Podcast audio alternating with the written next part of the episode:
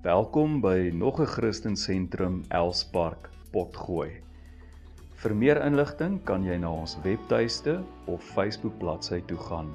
Soek net vir Christen Sentrum Elspark. Baie dankie vir die saamluister en vir jou ondersteuning. Ja, ons het nou gekom by die woord. En uh, ons gaan voort met ons reeks uit uh, die boek Hebreërs En tot hier toe het ons gekyk na Jesus, die die eh, seun, die seun van God. Ons het gekyk na Jesus en die engele, na Jesus en die skepping, na Jesus en die mens. En uh verlede Sondag of uh het ons gekyk na Jesus en ons fondasie of ten minste die fondasie van ons geloof. Vanmôre of vandag kyk ons na Jesus en Moses. Jesus en Moses. So kom ons lees saam uit Hebreërs hoofstuk 3 vanaf vers 1 tot 6 en sien dit as 'n 'n stuk Bybelstudie wat ons gaan doen. So jy moet konsentreer en jy moet asseblief by my bly. Uh dit sal dalk goed wees as jy self hierdie gedeelte gaan deurlees op jou eie tyd en kyk of jy dieselfde goed daar raak sien as wat ek daar raak gesien het. So kom ons lees saam vanaf vers 1. Daarom heilige broers, deelgenote van 'n hemelse roeping, let nou keurig op Jesus, die apostel en hoëpriester van ons belydenis Hy wat getrou is aan die een wat hom aangestel het, soos wat ook Moses getrou was in die hele huis van God. Hy is inderdaad groter heerlikheid waardig geag as Moses, soos wat die bouer van die huis meer aansien het as die huis self. Elke huis word immers deur iemand gebou, maar God is die een wat alles gebou het. Moses was as tempeldienaar getrou in God se hele huis tot 'n getuienis van wat verkondig sou word. Maar Jesus of Christus was as seun getrou oor sy huis en ons is sy huis as ons bly vashou aan die hoop waarop ons roem. So ons is steeds besig met 'n paar boodskappe uit Hebreërs. En die heel eerste hoofstuk, as jy reg kan onthou, die heel eerste hoofstuk van Hebreërs kan opgesom word. Die hele hoofstuk kan opgesom word met die woordjie beter. Jesus is beter as die profete. Hy is beter as die engele en hy is beter as Moses. Later gaan ons sien dat hy nie net beter is as Moses nie, maar dat hy ook beter is as die hoëpriester Aaron. Nou vers 1 van ons geleesde gedeelte begin met twee groot temas. Die twee groot temas wat volgende in Hebreërs behandel gaan word. So kom ons lees net weer vers 1. Daarom heilige broers deelgenote van 'n hemelse roeping. Let nou keurig op Jesus, die apostel en hoëpriester van ons belydenis. Nou heel eerstens, die skrywer wil ons aandag sterk op Jesus fokus. Hy sê ons moet noukeurig aandag skenk aan Jesus. En dan gebruik hy twee titels vir Jesus. Hy noem hom die apostel en hoëpriester van ons belydenis. Met ander woorde, ek en jy bely Jesus eerstens as apostel en tweedens bely ons hom as hoëpriester.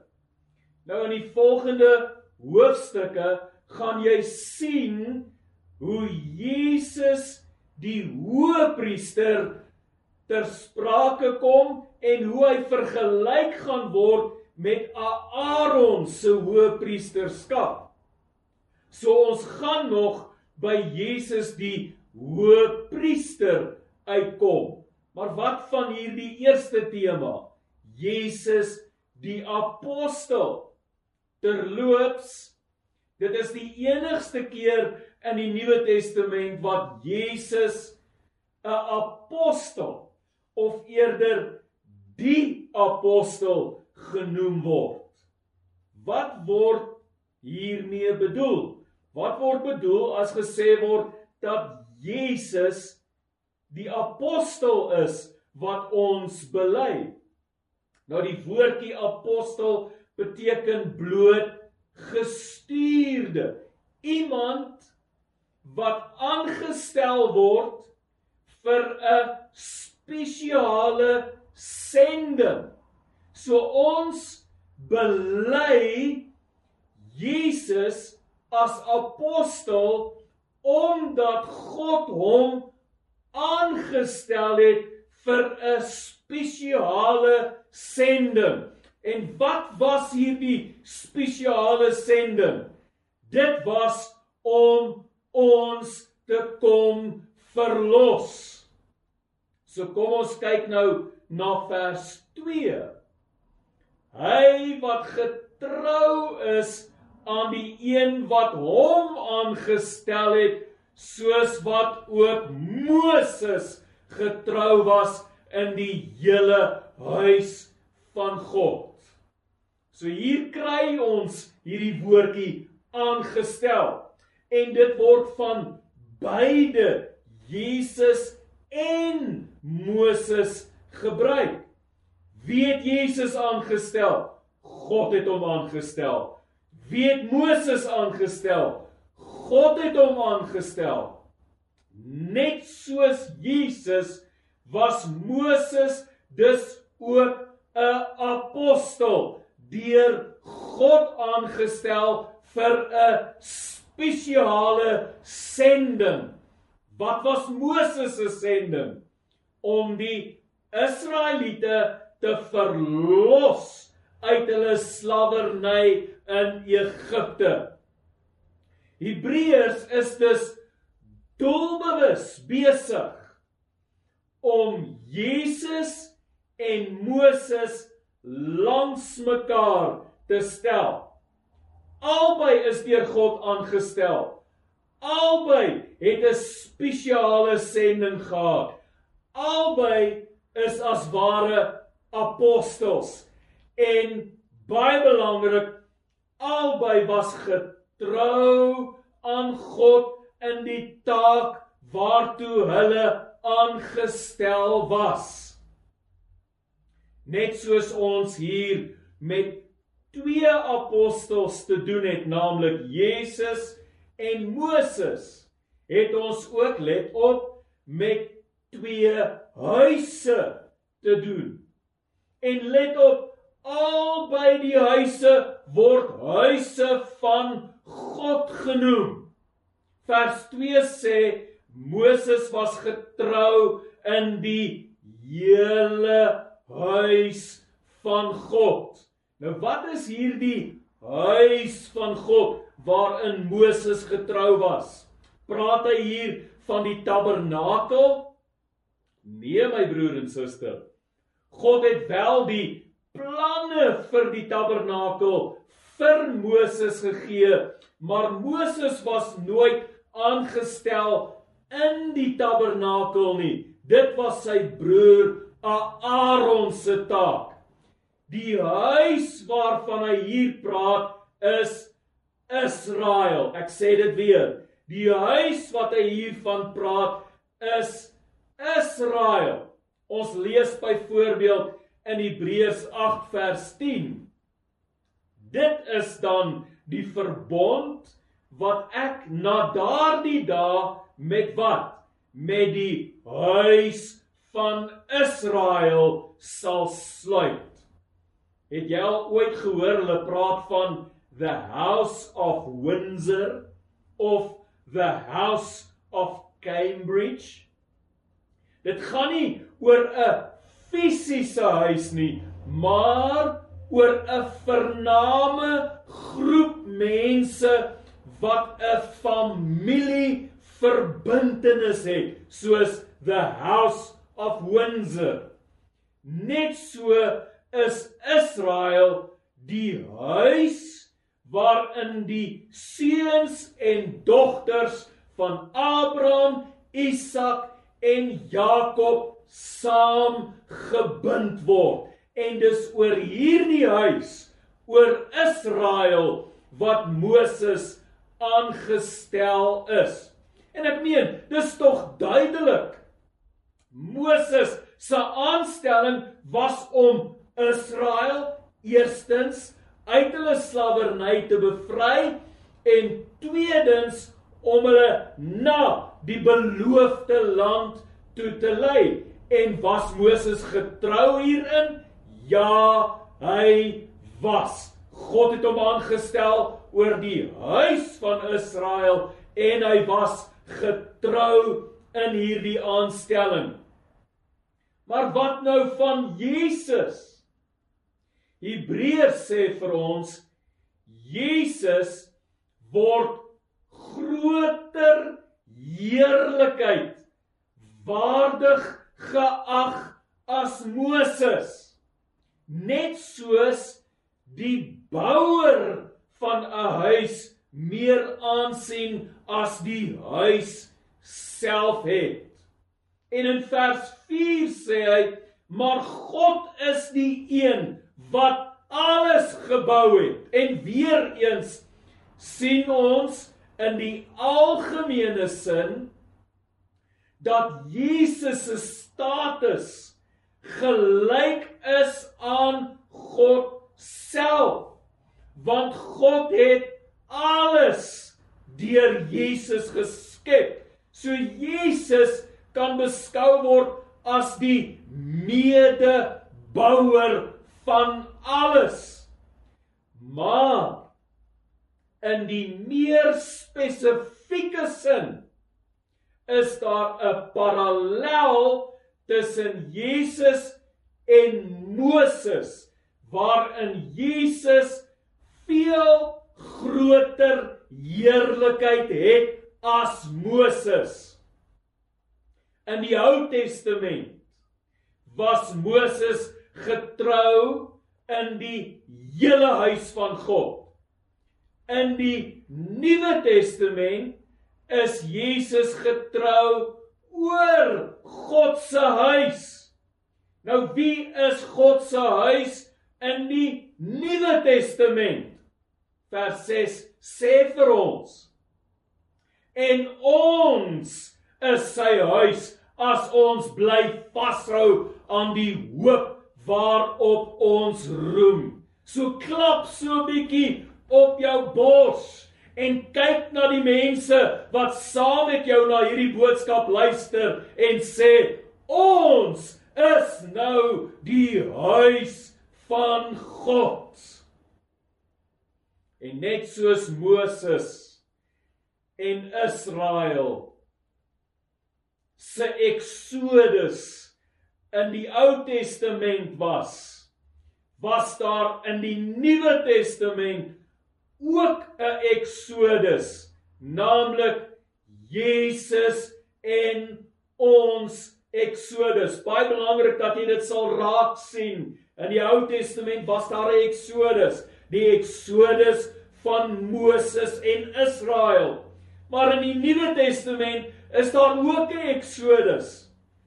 Ons En Jesus se eksodus toe Jesus aan die kruis sterf, het hy ons vrygemaak van ons slawerny en net soos Israel kon ons ontsnap uit ons slawerny en net soos Israel kon ons begin met ons reis na die beloofde land.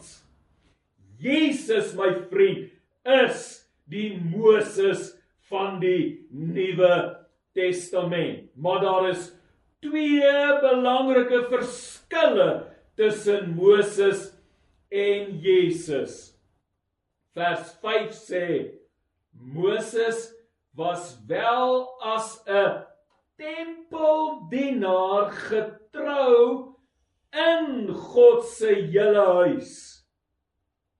Die woordjie tempeldienaar ongelukkig is hier 'n verkeerde vertaling. Hier is nie sprake van die tempel nie. Die woord wat in die Grieks gebruik word is therapeun en 'n therapeun is bloot net 'n dienaar. En dis baie belangrik.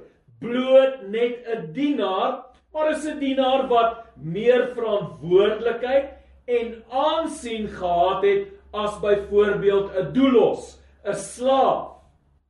Wat belangrik is en dis die punt is dat Moses beskryf word as 'n dienaar. Sê dit net saam met my. Moses word beskryf as 'n dienaar.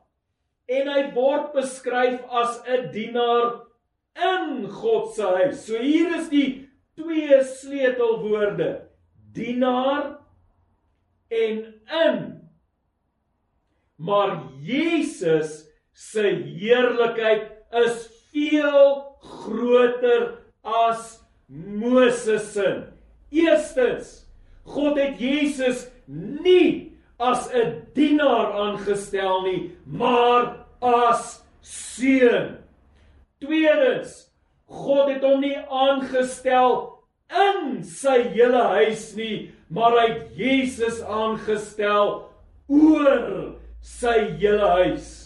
Vers 6 sê: Maar Christus was as seun, nie as dienaar nie, as seun getrou oor, nie in nie, oor sy hele huis.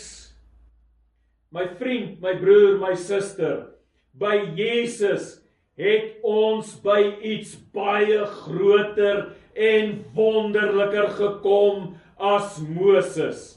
Moses was die skaduwee, maar Jesus is die lig.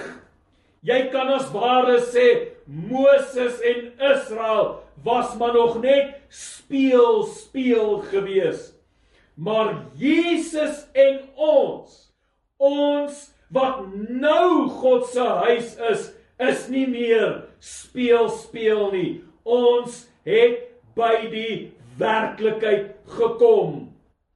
En as die mense van die Ou Testament soveel aandag aan Moses moes gee, hoeveel te meer moet ons nie aan Jesus gee nie. En reg deur Hebreërs kry ons hierdie tema. Hou julle oë gefestig op Jesus. Moenie van Jesus af wegdryf nie. Hou vas aan die hoop waarop ons roem. En omdat Jesus soveel belangriker as Moses is, is dit krities belangrik dat ons nie dieselfde foute sal maak as wat Israel in Moses se tyd gemaak het nie. Watter foute het Israel gemaak? Hebreërs 3 uh sê vir ons in verse 8 tot 11 in Hebreërs hoofstuk 3 verse 8 tot 11 praat van die Israeliete en hoor mooi praat van hulle opstand in die tyd van versoeking in die woestyn. Toe, dis die Here wat praat. Hy sê, "Toe julle voorouers my versoek en beproef het, al het hulle my dade gesien 40 jaar lank, daarom het my toren ontvlam teenoor hierdie geslag en het ek gesê in hulle harte is hulle altyd op 'n dwaalspoor en my paaie wou hulle nie leer ken nie. Dis het ek in my toren gesweer in my rus sal hulle beslis nie ingaan nie. Die grootste fout my broer, my suster, my vriend. Die grootste fout wat die Israeliete gemaak het was om harde harte te hê. En die woord wat Hebreë uh, wat Hebreërs gebruik is waar ons woord sklerose vandaan kom. En sklerose is wanneer jou liggaamsweefsel verhard. Dit word hard. So ons moet versigtig wees vir sklerose van die hart in ons verhouding met die Here. Ons dink as ons by die kruis was, is ons verlos en dan het ons aangekom. Ons het gearriveer. Maar dis nie die waarheid nie. Die kruis was die begin van ons eksodus. Dis waar ons vrygemaak is van ons slawerny. Maar dit beteken glad nie dat ons al klaar by ons bestemming aangekom het nie. Van die kruis af begin ons met ons reis na die beloofde land toe. En Hebreërs praat daarvan en sê ons moet nog in God se rus ingaan, vrygemaak van ons slawerny, maar ons is op pad na God se rus toe. Ons moet nog in God se rus ingaan. En hier is die ontstellende feit dat slegs 2 uit die honderde duisende Israeliete wat uit Egipte uitgetrek het, hulle bestemming bereik het en die beloofde land kon ingaan. Die res van hulle het in die woestyn gesterf. Hoekom? Sklerose van die hart. Paulus praat van 'n wedloop wat ek en jy moet voltooi. In Filippense 3 vers 14 sê hy Ek jaag die doel na om die prys van God se hemelse roeping in Christus te bekom. Is ons gered? Ja. Prys die Here. Ons is uit Egipte uit. Maar my broer en suster, daar lê vir ons 'n pad voor na die beloofde land toe. En op hierdie pad is dit krities belangrik dat ons aan Jesus sal bly vashou, dat ons Jesus sal volg, dat ons nie vir een oomblik ons oë van Jesus sal afhaal nie. Hebreërs 3 vers 12 sê: Broers, waak daarteen dat nie een van julle ooit 'n bose hart vol ongeloof kry deur van die lewende God afvallig te word nie. In vers 14 sê hy: Ons het inderdaad deelgenote van Christus geword mits mits ons end uit luister na die woordjie end uit stewig bly vashou aan ons aanvanklike geloofsvertroue. So los asseblief jou rebellie teen God.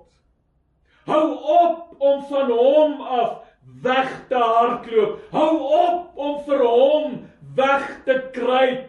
Hou op om jou eie pad te probeer loop. Een van die aanklagtes teen Israel was dat hulle nie God se paaie wou leer ken nie en dit is wat sklerose van die hart doen. Jou hart is hard. Nou wil jy nie God se pad leer ken nie en nog minder wil jy op God se pad loop. Stop dit. Stop dit vandag. Ons het nie hier met Moses 'n dienaar in God se huis te doen nie. Ons het met die seun te doen wat oor God se huis aangestel is. Ek sluit met Hebreërs 3 vers 13. Luister mooi. Maar spoor mekaar elke dag aan solank daar nog van vandag sprake is sodat niemand van julle deur die verleiding van die sonde verhard word nie. Weereens die woordjie verhard is die woordjie waar ons woord sklerose vandaan kom. Ons moet mekaar aanmoedig. My broer en suster, ons is almal lewende stene waarmee God se huis gebou word. Jy kan nie 'n huis met net een steen bou nie. Ons het mekaar nodig. Ons moet mekaar aanmoedig. Ons moet mekaar se geloof versterk. Ons moet vir mekaar uitkyk en ons moet mekaar help op ons pad na Kanaan toe, op ons pad na God se rus toe. En as dit nodig is, moet ons mekaar ook vermaan en ons moet dit elke dag doen, elke dag.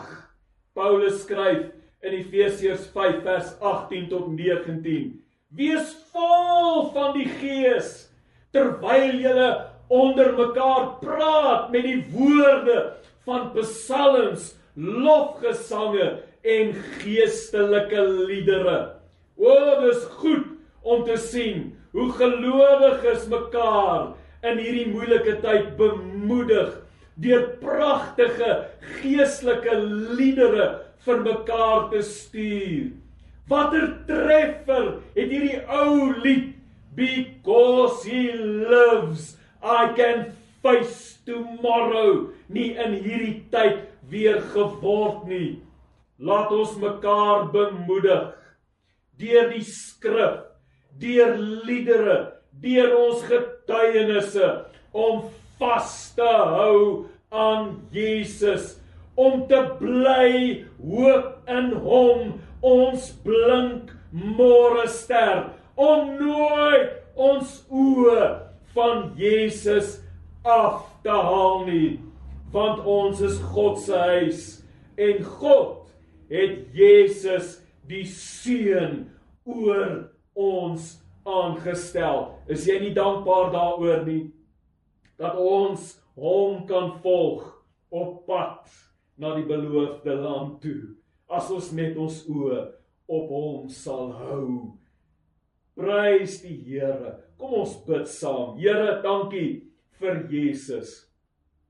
Net soos Moses, maar met soveel groter heerlikheid. Die seun wat oor u huis, ons is u huis aangestel is. O Here, dat ons oë gefestig sal bly op Jesus en help ons Here dat ons mekaar op hierdie pad sal aanmoedig, sal versterk en ja wanneer dit nodig is selfs sal vermaan maar dat ons sal bly, bly op die pad. Bly u wees soek en in u paaie sal bly loop o Here. Gee ons die krag deur u gees. Versterk ons o Here en ons dankie daarvoor in Jesus naam. Amen.